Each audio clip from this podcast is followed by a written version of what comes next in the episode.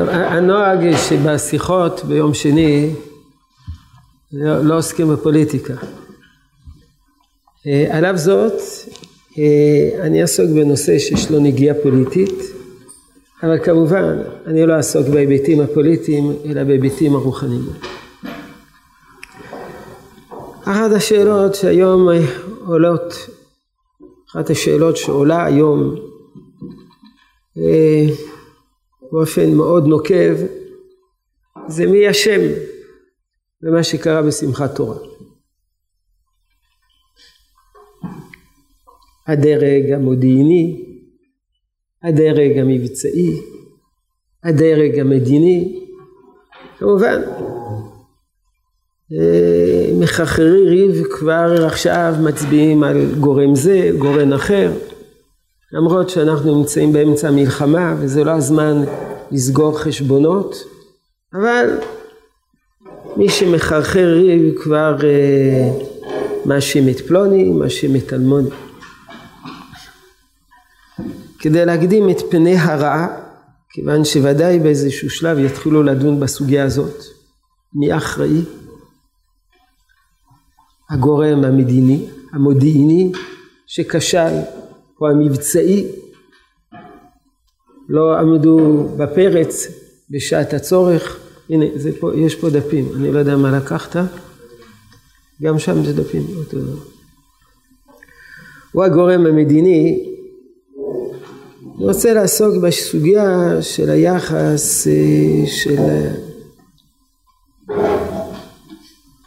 הטלת אשמה על מנהיגות בשעה שיש כישלונות לאומיים. בתחילת ספר ויקרא מדובר, יש שם סקירה של סוגי החטאות השונים. הנשיא כי יחטא, אדם הפשוט כי יחטא, וגם אם הכהן המשיח יחטא. ושם יש ביטוי מיוחד שהפרשנים התלבטו בפירושו. כתוב אם הכהן המשיח יחטא לאשמת העם. מה פירוש הדבר שהכהן המשיח, כהן המשיח זה הכהן הגדול, חוטא לאשמת העם. אז יש שני פירושים הפוכים. יש פירוש אחד שאומר שאם הכהן המשיח חוטא, אז זה גורם בסופו של דבר שכל העם חוטא אחריו. לאשמת העם, זה מביא אשמה על העם. אם המנהיג נכשל, אז יחד איתו כל העם נכשל. זה פירוש אחד. זה הפירוש של חלק מן המפרשים. ויש פירוש הפוך, וזה הפירוש של הספורנו. אומר הספורנו, ובהיות החוטאים על מדרגות מתחלפות, מהם מוכנים להיכשל בחטא, ומהם רחוקים מזה, ויקרה בהם על מעט. זאת אומרת שאנשים שהחטאים הם אה, מצויים אצלם. יש אנשים שלפי מדרגתם החטאים נדירים אצלם. הכהן הגדול, איש צדיק, שעוסק בעבודת השם, אין סיבה שיחטא. אין, לא ברור למה הוא חוטא. היה דיבור בהם, ולכן התורה מתייחסת לאנשים השונים באופן שונה, והתורה מדרגת, אדם פשוט שחוטא, הכהן הגדול שחוטא, המלך שחוטא, כל אחד ואחד סיבות החטאים שלו הן שונות, וגם התדירות של החטאים היא שונה. היה דיבור בהם על אופנים מתחלפים וקורבנותיהם מתחלפים.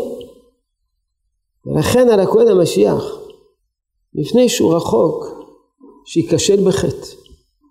אמר אם הכהן המשיח יחטא לאשמת העם, כלומר שלא תקרה לו שגגת חטאת זולתי ממוקשי העם. אם הכהן הגדול חוטא, זה בגלל העם. לא כמו הפירוש הקודם, שאם הכהן הגדול חוטא, אז זה לאשמת העם, זה מביא לנפילה, למפולת רוחנית בעם. להפך, אם יש מפולת רוחנית בעם, אז הכהן הגדול חוטא. כאומרם המתפלל וטעה סימן רע לו ואם שליח ציבור הוא סימן רע לשולחיו שליח, ציבור נכשל בתפילה אז זה לא בהכרח בגלל שהוא לא בסדר, אלא כנראה שהציבור לא בסדר, וכיוון שהציבור לא בסדר, אז זה בא לידי ביטוי בהכשלה שלו, בטעות שלו בתפילה.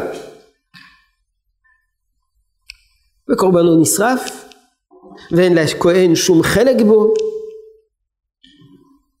כי בעצם הוא חוטא בגלל העם, ולכן לא כתוב בו ואשם והשם, כמו שכתב בכל שאר החוטאים. כי אמנם באומרו והשם יורה אזהרה לתשובה, אם כתוב והשם סימן שאתה צריך לחזור בתשובה, וזה לא ייפול על הכהן המשיח, כי לא מליבו היה החטא כלל, אבל קראו לו על העם. אז יש בעצם שתי, שתי ראיות סותרות. ראייה אחת שרואה שהחטא מתחיל בכהן המשיח, והוא מביא להכשלת כל העם. ויש ראייה הפוכה, שהעם חוטא, וכתוצאה מזה הכהן המשיח הוא חוטא. בעצם יש פה שתי תפיסות. תפיסה אחת, שהמנהיג הרוחני הוא זה שמעצב את העם. ותפיסה נופח הפוכה, שהמנהיג הרוחני הוא משקף את העם.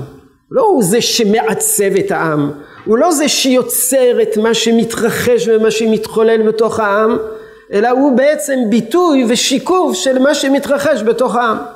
זה שני הפירושים לגבי הכהן המשיח לאשמת העם. ייתכן מאוד שזה יסוד המחלוקת שמופיע במסכת ערכים דף י"ז. פליגי בר רבי יהודה הנשיאה ורבנן, אחד אמר דור לפי פרנס ואחד אמר פרנס לפי הדור. אחד אומר דור לפי פרנס. מה זה נקרא דור לפי פרנס? הדור הוא בהתאם לפרנס. הפרנס זה המנהיג. הדור הוא אמור, הוא, הוא, הוא מאופיין, הוא מתעצב, יש לו את התבניות של הפרנס. דור לפי פרנס. יש דעה אחרת שאומרת לא, פרנס לפי הדורו. הפרנס הוא אמור לשקף את הדור, לא הדור לפי הפרנס, הפרנס לפי הדור. המנהיג הוא בעצם צריך להיות בהתאם לדור, כי הוא משקף את הדור. אז הגמר שואלת למה ידחת, על מה, על, מה, על מה מדובר? באיזה תחום דור לפי פרנס? באיזה תחום פרנס לפי הדור? אז התשובה של הגמרא היא מאוד מעניינת. הנה מה למעליותה, מעליותה הכוונה מידות, צדקות, מעליותה. אם הדור הוא צדיק, אז הפרנס הוא צדיק, או אם הפרנס הוא צדיק, הדור הוא צדיק. אומרת הגמרא, זה לא נכון. סליחה, דמר סברי מלא דרא מלא פרנס, ומר סברי מלא פרנס מלא דרא. יש מי שאומר שהדור הוא צדיק, אם הפרנס הוא צדיק, ויש שאומר להפך, אם הפרנס הוא צדיק, הדור הוא צדיק. אומרת הגמרא, זה לא נכון. האיכא צדקיה דבי מלא, צדקיה היה צדיק, ודרא לא אבי מלא. והדור שלו לא היה צדיק. אז אתה רואה שיש דור שהמנהיג צדיק ודור לא צדיק. והיו יקים דולא ומעלה. ולהפך, המלך יואקים הוא לא היה צדיק, ודורו היה צדיק. אמר רבי יוחנן מישור מישור יוחאי, מה דכתיב בראשית ממלכות יהויקים, מלך יהודה. מה פירוש הדבר? בראשית ממלכות יהויקים מלך יהודה. דורשים חז"ל, הביטוי בראשית, ביקש הקדוש ברוך הוא להחזיר את העולם לתוהו ובוהו, זה בראשית, להחזיר את העולם כולו לבראשית. בגלל יהויקים, בגלל רשות של יהויקים. כיוון שנסתכל בדורו, שהצדיק נתיישב דעתו. ביקש הקדוש ברוך הוא להחזיר את העולם לתוהו ובוהו מפני דורו של צדקיהו. כיוון שנסתכל בצדקיהו נתיישבה דעתו. אז אתה רואה שאין התאמה הכרחית בין הצדקות של המנהיג לצדקות של העם. לא בהכרח יש התאמה. אז לאיזה עניין דור פרנס ופרנס לפי הדור הוא דור לפי פרנס? לעניין תוקפה וניחותא כאמרינא. מה זה תוקפה וניחותא? תוקפה וניחותא הכוונה סגנון ההנהגה. יש מנהיג תקיף, יש מנהיג נוח, אז במה זה תלוי? אם יש מנהיג תקיף או מנהיג נוח. יש מי שאומר בזה צריכה להיות איזושהי התאמה בין הדור לבין הפרנס. לא יכול להיות שהפרנס הוא תקיף והדור לא מסוגל לסבול תקיפות. אז תכף ומיד יש פיצוץ. אז יש מרד. לא מסוגלים לסבול את המנהיג. צריכה להיות איזושהי התאמה בסגנון, בצורת ההנהגה. אבל לפי מה זה נקבע? מתחילים מן הדור ואז על פי זה יש מנהיג? או זה מתחיל מן המנהיג ועל פי זה יש דור? ברור שמאחורי זה מסתתרת השאלה. מי מעצב את מי? האם הפרנס מעצב את הדור? אז הדור, המנהיג הוא תקיף, המנהיג הוא נוח, אז כך הדור, או להפך. המנהיג משקף את הדור. ואם הדור הוא נוח, אז יש מנהיג נוח. אם הדור הוא תקיף, מסוגל לסבול תקיפות, אז הקדוש ברוך הוא ממנה מנהיג תקיף. תראו ביטוי מעניין שקשור לכל מה שלמדנו, שכורך גם את הגמרא, את, ה, את, את להשמת העם ואת הגמרא במסרת, במסרת ערכים, באחד מדברי חסידות של תולדות יעקב יוסף, רבי, יעקב, רבי יעקב יוסף מפולנה. אם הכהן המשיח יחטא להשמת העם. משל אחד, החסידים משלים, שנשלח בן המלך מאביו, ולא המלך לא יכול להחזירו. למה? כי, כי הבן התרחק.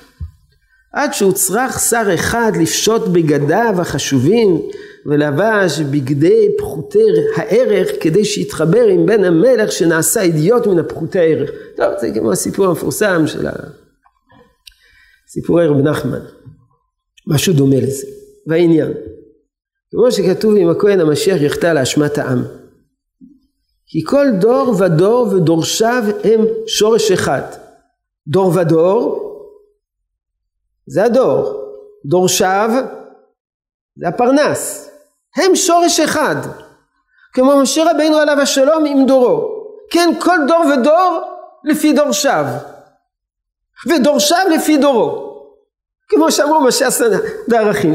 בגמרא במסעד דערכים זה מופיע כמחלוקת, אם הדור לפי הפרנס, הפרנס לפי הדור. אז אומר רבי יעקב, התולדות יעקב יוסף, הדור לפי הפרנס והפרנס לפי הדור. שורש אחד. יש איזה שורש נפשי רוחני אחד. והחינמי, חטא הדור, גרמו אשמת ראש הדור. לאשמת העם. הכהן המשיח חוטא לאשמת העם. חטא הדור גורמת, גרמו אשמת ראש הדור. לא, טעיתי. גרמו אשמת ראש הדור, הכוונה שראש הדור הוא זה שגרם לחטא הדור, או להפך, כגון כאילו ששורש אחד להם. ואז הוא ממשיך וקושר לדברים נוספים. אז יש באמת שאלה גדולה, לא רק לגבי מנהיג רוחני, שיש אה, יש משבר מנהיגותי. ויש אה, כישלון.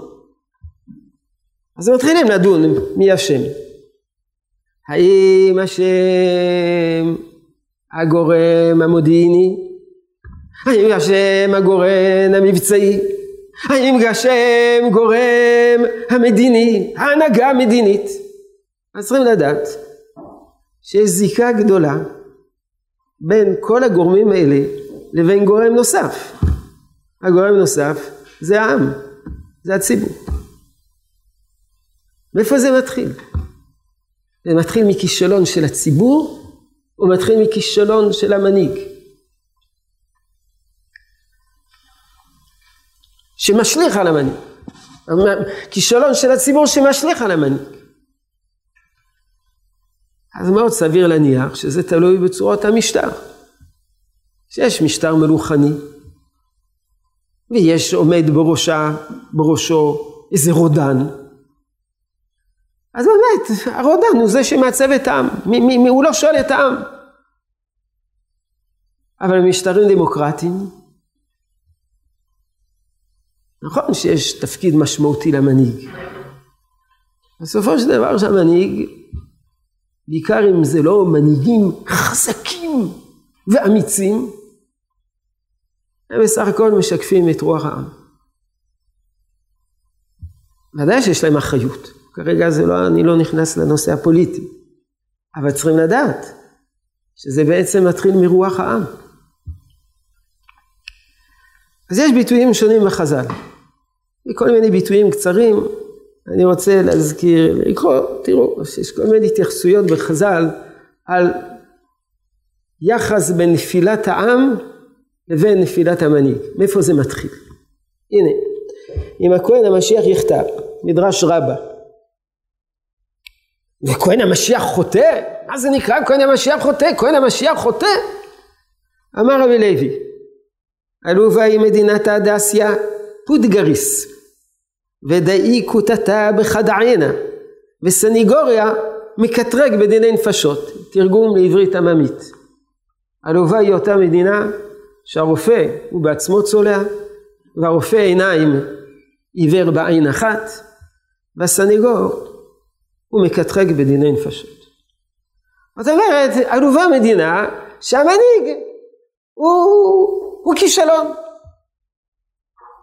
פה הדגש זה על המנהיג. המנהיג, אם הוא כישלון, אם יש בו חסרונות, אז זה ידרדר את כל המדינה. נקודת המוקד, האחריות מוטלת על המנהיג. אבל תראו לדוגמה מה שכתוב בסרט בבא קמא. בסדר, קמא, לומדים עכשיו דף יומי בבא שם זה עניינים שקשורים לדיני ממונות, אבל אה, יש פה רמז להנהגה וכולם הבינו שמה שכתוב כאן זה רמז לעניינים לא רק של אה, אה, שור שנגח את הפרה ולהלכות שומרים, אלא זה קשור לעניינים יותר גדולים. מה עם השקוקית? אחת תרגמו קרקשתא. רבי יעקב אומר איזה דאזלה ברש ידרא. יש עדר ובראש העדר יש העז. איפה שהעז הזאת הולכת, כל העדר הולך. כדרדרי שעו גלילה על ידי רב חיסדא. כד רגיז רעי על ענה. כאשר הרועה כועס על ענה, על הצאן, אביד לנגדה סמוטה. הוא מסמא את הנגדה. הנגדה זה העז הראשונה. ברגע שהעז הראשונה עיוורת, היא יורדת לתהום וכל הצאן הולך אחריה בתהום. אמרו גדולי ישראל, לפעמים כאשר הקדוש ברוך הוא רוצה להעניש את כלל ישראל, הוא מסמא את המנהיג, והמנהיג טועה, וכל העם טועה אחריו. הנה, ספר פנים יפות, ודוגמה הוא כותב את זה. שאמרו חז"ל, כד רעיז רעיה לענה אביד לנגדי סמוטה. פירוש שהקדוש ברוך הוא כועס על הציבור, מסמא עיני הרועה, שלא ימצא דרך להנהיגם. ואז המנהיג טועה, וכל העם טועה, אבל זה בהשגחה אלוקית.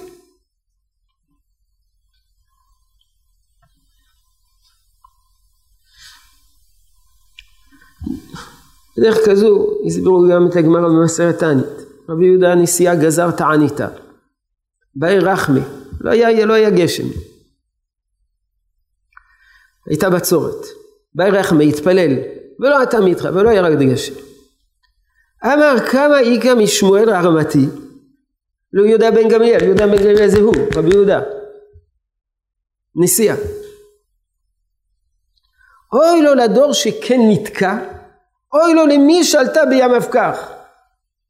אוי לו לדור שכן נתקע, סימן שזה חיסרון בדור. אוי לו למי שעלתה בים אבקח. המנהיג, הרועה. יש פה בעיה כזאת, ויש בעיה כזאת, ובגלל זה לא יורד גשם. זה לא רק תלוי בי, זה תלוי בדור, וזה לא רק תלוי בדור, זה תלוי בנו. דייג פרקי רבי אליעזר, פרק מ"א. רבי ראובן אומר, הכל הולך אחר הראש. ומתי? בזמן שהרועי טועה, הצאן טוען אחריו. שנאמר על חטאת ירובעם בן נבט אשר חטא ואשר החטיא את ישראל. זאת אומרת כאשר יש כישלון של ההנהגה זה מכשיל את כל העם. אז רואים לפעמים ביטויים מן הסוג הזה, לפעמים ביטויים מן הסוג הזה. זה גם נאמר לא רק בכישלונות אלא גם בהשגות. דבריו המפורסמים של רבי לוי בספר הכוזרי. עוד. כי לא ניתנה להם התורה מעלה לעם ישראל בגלל משה. אלא ניתנה לו משה בגללם. זאת אומרת המעלה של משה רבנו זה בגלל כלל ישראל, זה לא המעלה של כלל ישראל בגלל משה רבנו, זכינו משה קיבל תורה מישראל ומסרה ליהושע, כן, אבל מה שמשה רבנו קיבל תורה זה בגלל המעלה של עם ישראל.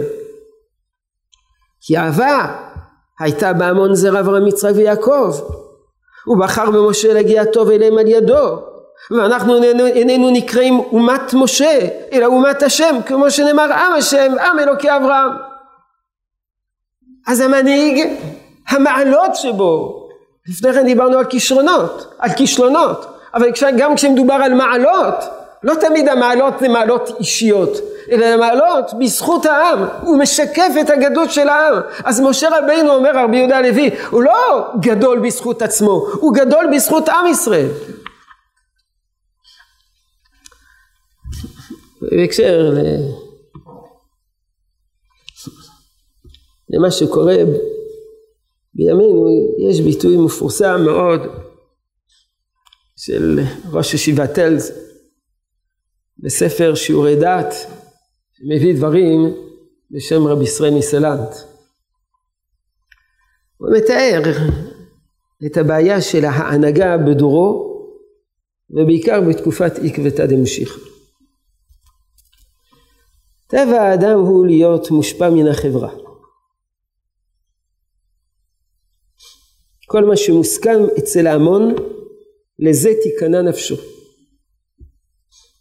ולא רק תנאי השכל, אנשי המון, שהם אנשי ההמון, שאין להם שום יוזמה עצמית, אלא אפילו משכילים בעם, ואנשי הדת. קשה להם מאוד להשתחרר מן הדעות וההשקפות השוררות בעולם.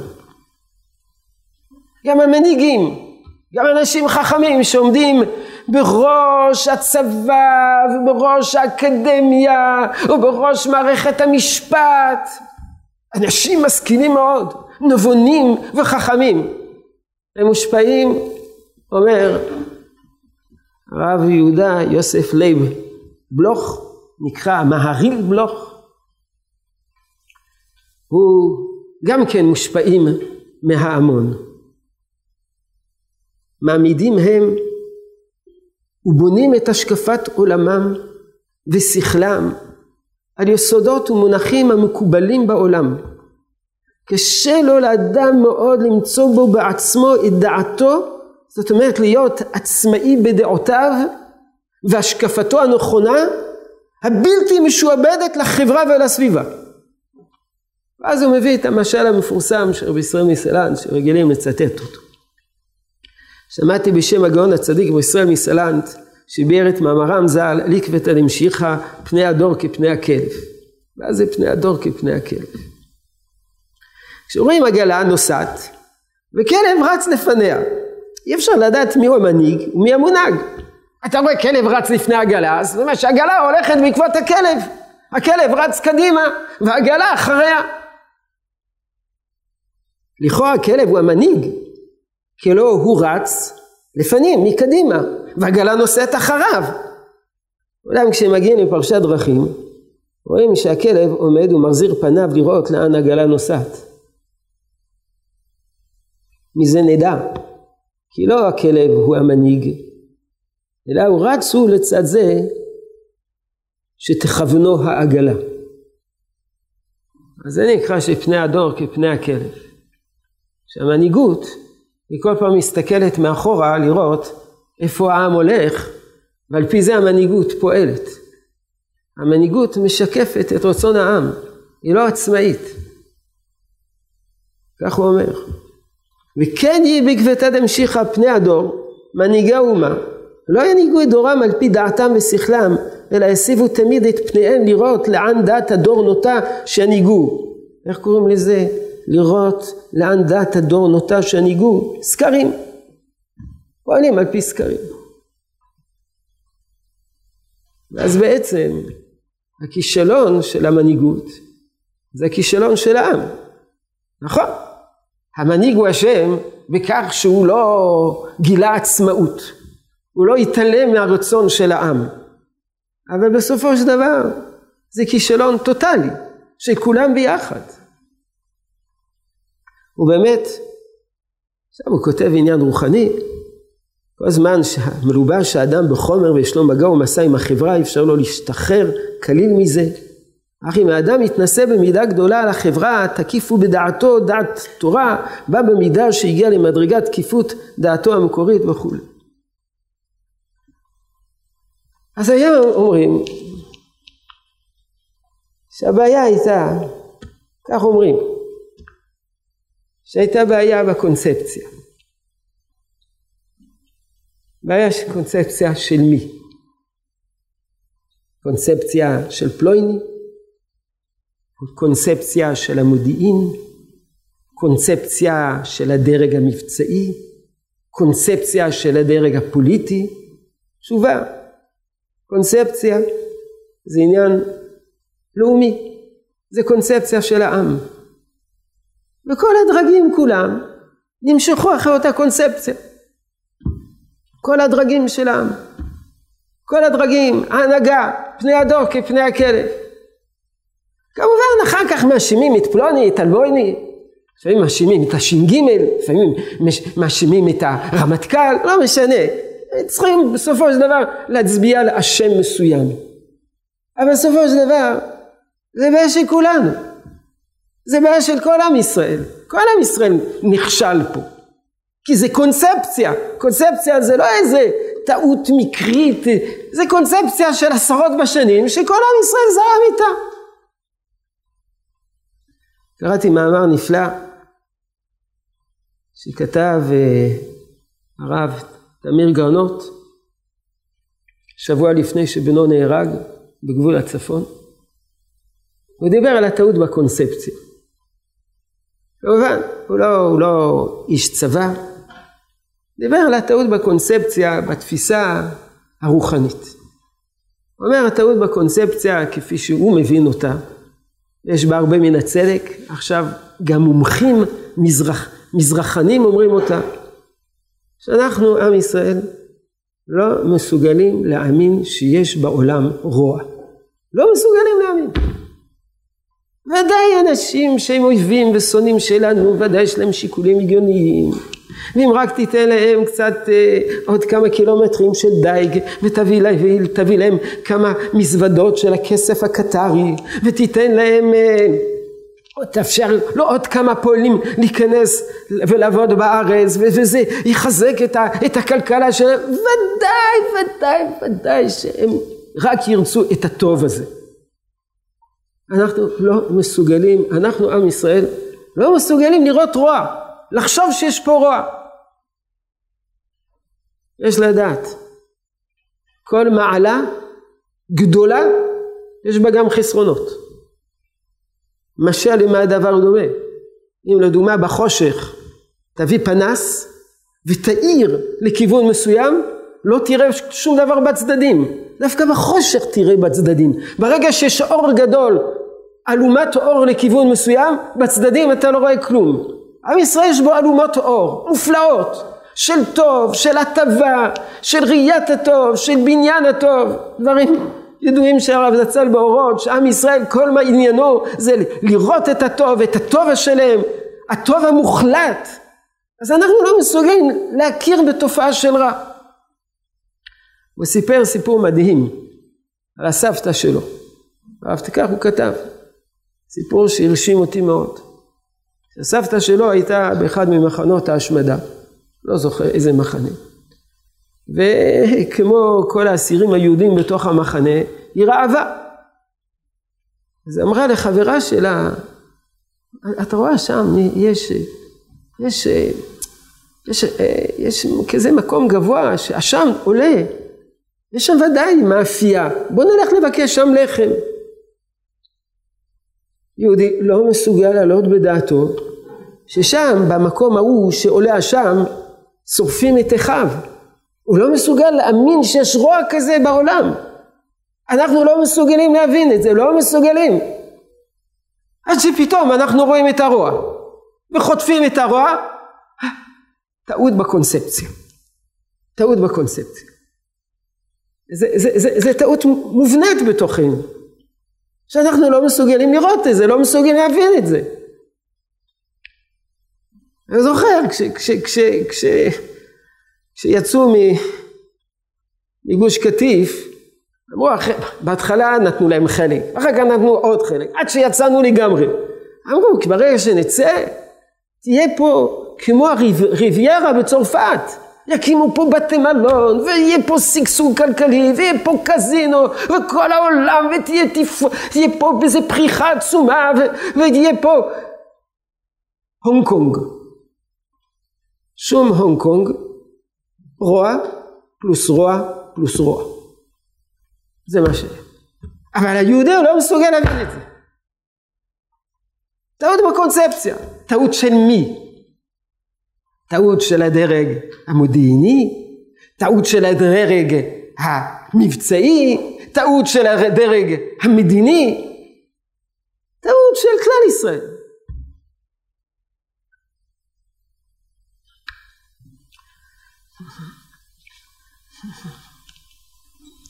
כותב הרב הים, ביור מאמר של חז"ל, אמר רב שלושה צריכים רחמים שלושה צריכים להתפלל אליהם. רחמים זה להתפלל. ומי זה? זה חלום טוב, שינה טובה ומלך טוב. למה דווקא שלושה אלו?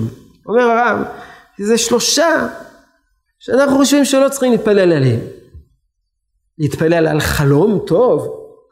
חלום טוב זה, זה חלום? זה דבר שמה בכך? זה דבר שמה בכך מתפללים שיהיה לנו חלומות מתוקים? נכון, אמא מכסה את הבן שלה הקטן ואומר לך, יהיה לך חלומות מתוקים. אחרי שאנחנו נהיים יותר גדולים, מבוגרים, נו, חלומות, חלומות, עכשיו ידברו וזהו זה, ונגמר העניין, אף אחד לא מתייחס לחלומות. כי אנחנו חושבים שזה דבר פעוט, אין לו משמעות. וזה לא נכון, אומר הרב. החלומות משפיעים. ואדם שיש לו ביעטותי לילה, זה משפיע על יומו. ואדם שיש לו חלומות טובים, זה משפיע על יומו.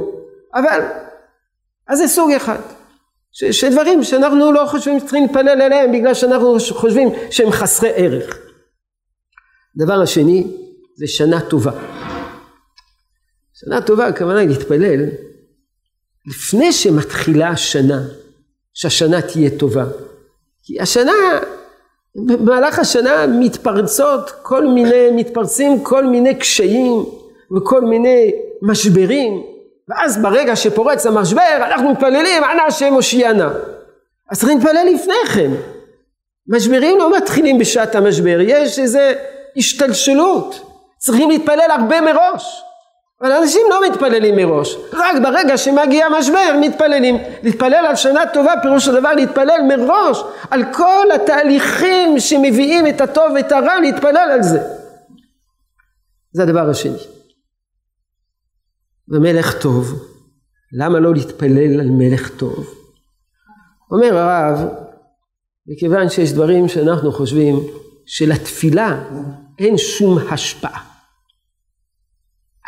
התפילה יכולה להשפיע על המלך? מלך זה עניין של בחירה חופשית. המלך מנתב, המלך קובע, אני קובע, אני מנהיג, אני מחליט. זה, זה מלך, מלך. הוא זה שקובע, יש לו בחירה חופשית, אז מה אתה מתפלל? תפילה, זה, זה, זה תפילת שווא, תפילת שווא. להתפלל בניגוד לבחירה החופשית, אין לזה סיכוי. הכל בידי שמיים חוץ מאשר בחירה חופשית. הוא מלך טוב, פסקה שנייה בעין הים. הוא מלך טוב. שחופש הבחירה האנושית תגזור עומר שאין אפשרות להועיל כאן רחמים. תפילה לא יכולה להועיל כאן בגלל שיש בחירה חופשית. כי הדבר מסור ברצון המלך הוא בחירתו. למדנו כאן כי כל כך מושפע המלך מחזיונות הכלל. תדע לך שהמלך גם אם מדובר בתקופת המלכות, אפילו לא בתקופה של דמוקרטיה, שבה פני הדור כפני הכלב, אלא מדובר במלך. גם המלך מושפע מחזיונות הכלל, הוא לא עצמאי בהחלטותיו. מחזיונות הכלל שמביאים אותו להחלטת הנהגתו, עד שבחירתו החופשית אינה פועלת בו בדי רשום. אל תחשוב שהכל תלוי בבחירה חופשית אצל המלך, זה לא נכון, לא הכל תלוי בבחירה חופשית. כי אם המקרים הכלליים של הנהגת המדינה ומוסר האנשים ומעמד המוסרי הכללי ומצב השלום בעולם בכללו, כל אלה יפעלו על החלטת המלך וגם על מזגו ותכונתו. המלך עם כל זאת שיש לו בחירה חופשית ונדרה לו שהוא מחליט באופן עצמאי, הוא לא מחליט באופן עצמאי, הוא מושפע מגורמים סביבתיים, מהעם, מהמצב הכללי בכל העולם, ועל פי זה נראה לו שהוא מחליט. אבל בעצם הוא לא מחליט, הוא מושפע. ואפילו זה משפיע על מזגו ותכונתו, על המבט שלו, על הראייה שלו. במקום מזגו ותכונתו, היום היינו מחליפים את זה במילה אחרת. זה משפיע על הקונספציה שלו, זה מזגו ותכונתו. על כן הוא מושפע ונפעל יותר ממה שהוא פועל בבחירה חופשית. יותר ממה שהוא פועל בבחירה חופשית, הוא נפעל. וצריך גם הוא רחמים. והרחמים שמתפשטת תועלתם על החוג היוצא מחופשיות הבחירה ממילא יפעלו על הנהגתו לטובת הכלל והפרטים של בני מלכותו זאת אומרת ועל כן צריכים להתפלל ולהשפיע על כל מיני גורמים והגורמים האלה ישפיעו על החלטות שלו שנדמה לו שהוא מחליט אותם בבחירה חופשית אז המנהיג על אחת כמה וכמה במדינה דמוקרטית.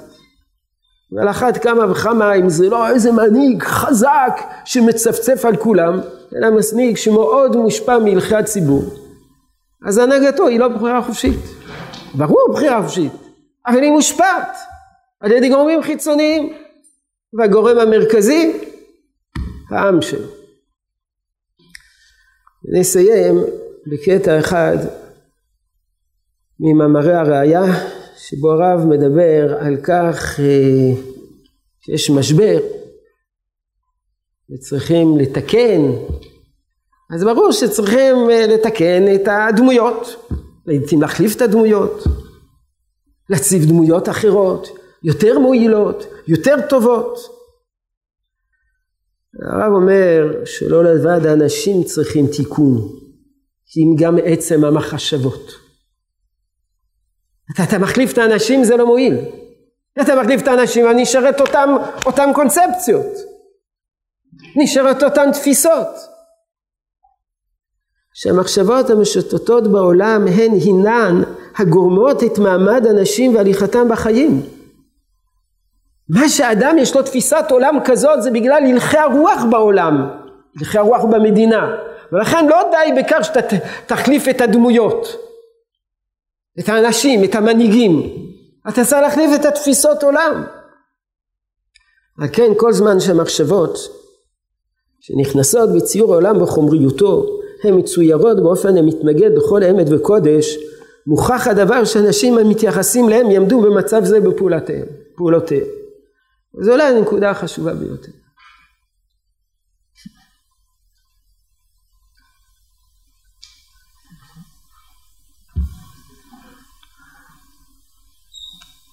העם הוא משקף את הלכי הרוח. דיברתי על הקונספציה במובן המצומצם, אבל הלכי הרוח המרכזיים שצריכים להשתנות זה הלכי הרוח מבחינת תפיסה אמונית. הראייה של, של, של הצבא, הראייה של אנשי המודיעין, הראייה של אנשי המבצעים, אנשי המד... המדינאים, זה ראייה חילונית. כשעומד מולנו חמאס שפועל ב- ב- ב- ב- בתפיסה דתית. מי שלא מבין שבעולם, בעולם שלנו, שנת תשפ"ד, בעולם שחלקו מערבי, אבל הלכי רוח דתיים פועלים בעולם ומשפיעים על העולם, וכל עוד שאתה לא רואה את זה, וכל עוד שאתה לא מבין שזה גורם משמעותי אצל האויב שלך וממילא גם בקרבך אז אתה פשוט לא מבין כלום במה שנעשה. אתה יכול להחליף אלף מנהיגים אבל אותן תפיסות יישארו. לכן הרב מסיים כל הזמן שהמחשבות שהן נכנסות בציור העולם בחומריותו היינו כאשר יש תפיסה חומרנית תפיסה שלא דבקה באמונה, תפיסה שלא מכניסה את הקדוש ברוך הוא בתור מרכיב משמעותי בבניין תפיסת העולם. אז מוכרח הדבר שאנשים המתייחסים להם יעמדו במצב זה בפעולותיהם, אז ממילא זה גוזר פעולות מסוימות, זה גוזר קונספציות מסוימות. אז הבעיה שלנו זה לא שינוי המנהיגים. אולי צריכים לעשות את זה, זה יעשו, מבינים בזה אנשים שהם מומחים ממני בשאלות האלה. אבל לגבי התפיסת עולם, ברור שאנחנו צריכים חברה ישראלית צריכה לשנות את התפיסת עולם, תפיסת עולם יותר אמונית, ראייה אחרת של המציאות, ראייה אחרת של המאבקים שלנו. רואים שיש קצת, קצת, קצת היו ניצוצות ב, ב, ב, בימים האחרונים כאשר אה, יש איזו תחושה של רוצים קצת יותר קרבת השם, אמירת שמע ישראל לפני שיוצאים לקרב, הרבה חיילים שרוצים ציצית, זה, זה מין התעוררות שמבינים שהמאבק הוא לא רק מאבק לאומי. הוא לא רע מאבק לאומי. מוצאי שבת, הכינוס שהיה בכיכר, הזכרתי את הפסוק מתהילים פ"ג, שרוצים להחריד את שם ישראל, כך נאמר. רוצים להחריד את שם ישראל. לא כתוב להכחיד את ישראל, להכחיד את שם ישראל. מה זה שם ישראל? זה כמו שם כבוד מלכותו. יש כבוד מלכות השם ויש שם כבוד מלכות השם. שם כבוד מלכות השם. יש שם ישראל. שם ישראל הכוונה זה משהו יותר פנימי, משהו יותר אידיאולוגי, משהו יותר רעיוני. המאבק זה סביב שם ישראל בעולם. מי שמבין, מי שזאת הקונספציה שלו, שהמאבק זה עם שם ישראל בעולם, אז כמובן הוא מתנהל באופן אחר.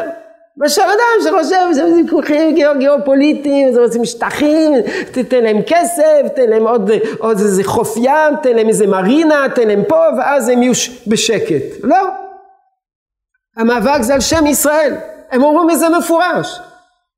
רק מי שאין לו, אין, אין לו הבנה מה זה שם ישראל, הוא לא מסוגל להקשיב לזה. הוא לא מבין שהמאבק הוא על שם ישראל, כאשר הם אומרים מפורש, המאבק שלנו זה על שם ישראל.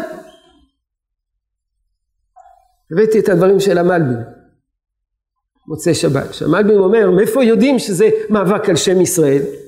הוא אומר, מכיוון שאלה שנאבקים איתנו זה מואב והגרים והישמעאלים, זו רשימה ארוכה של עמים.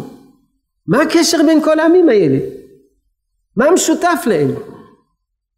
אם זה עניינים, אינטרסים חומריים, אז מה המשותפים? אלה קרובים, אלה רחוקים, אלה יש להם אינטרס כזה, אלה יש להם אינטרס כזה, אז זה לא אינטרסים מוחשיים, גיאופוליטיים, אלא האינטרס של כולם זה שם ישראל, זה משהו רוחני.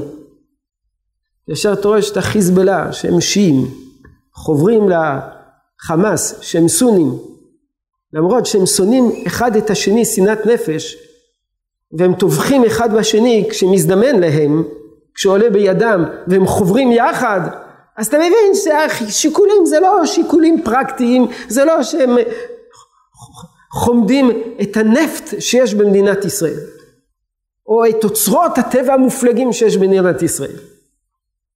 הם, מה שהם רוצים זה להכחיד את שם ישראל. אבל בשביל זה זה כבר קונספציה אחרת.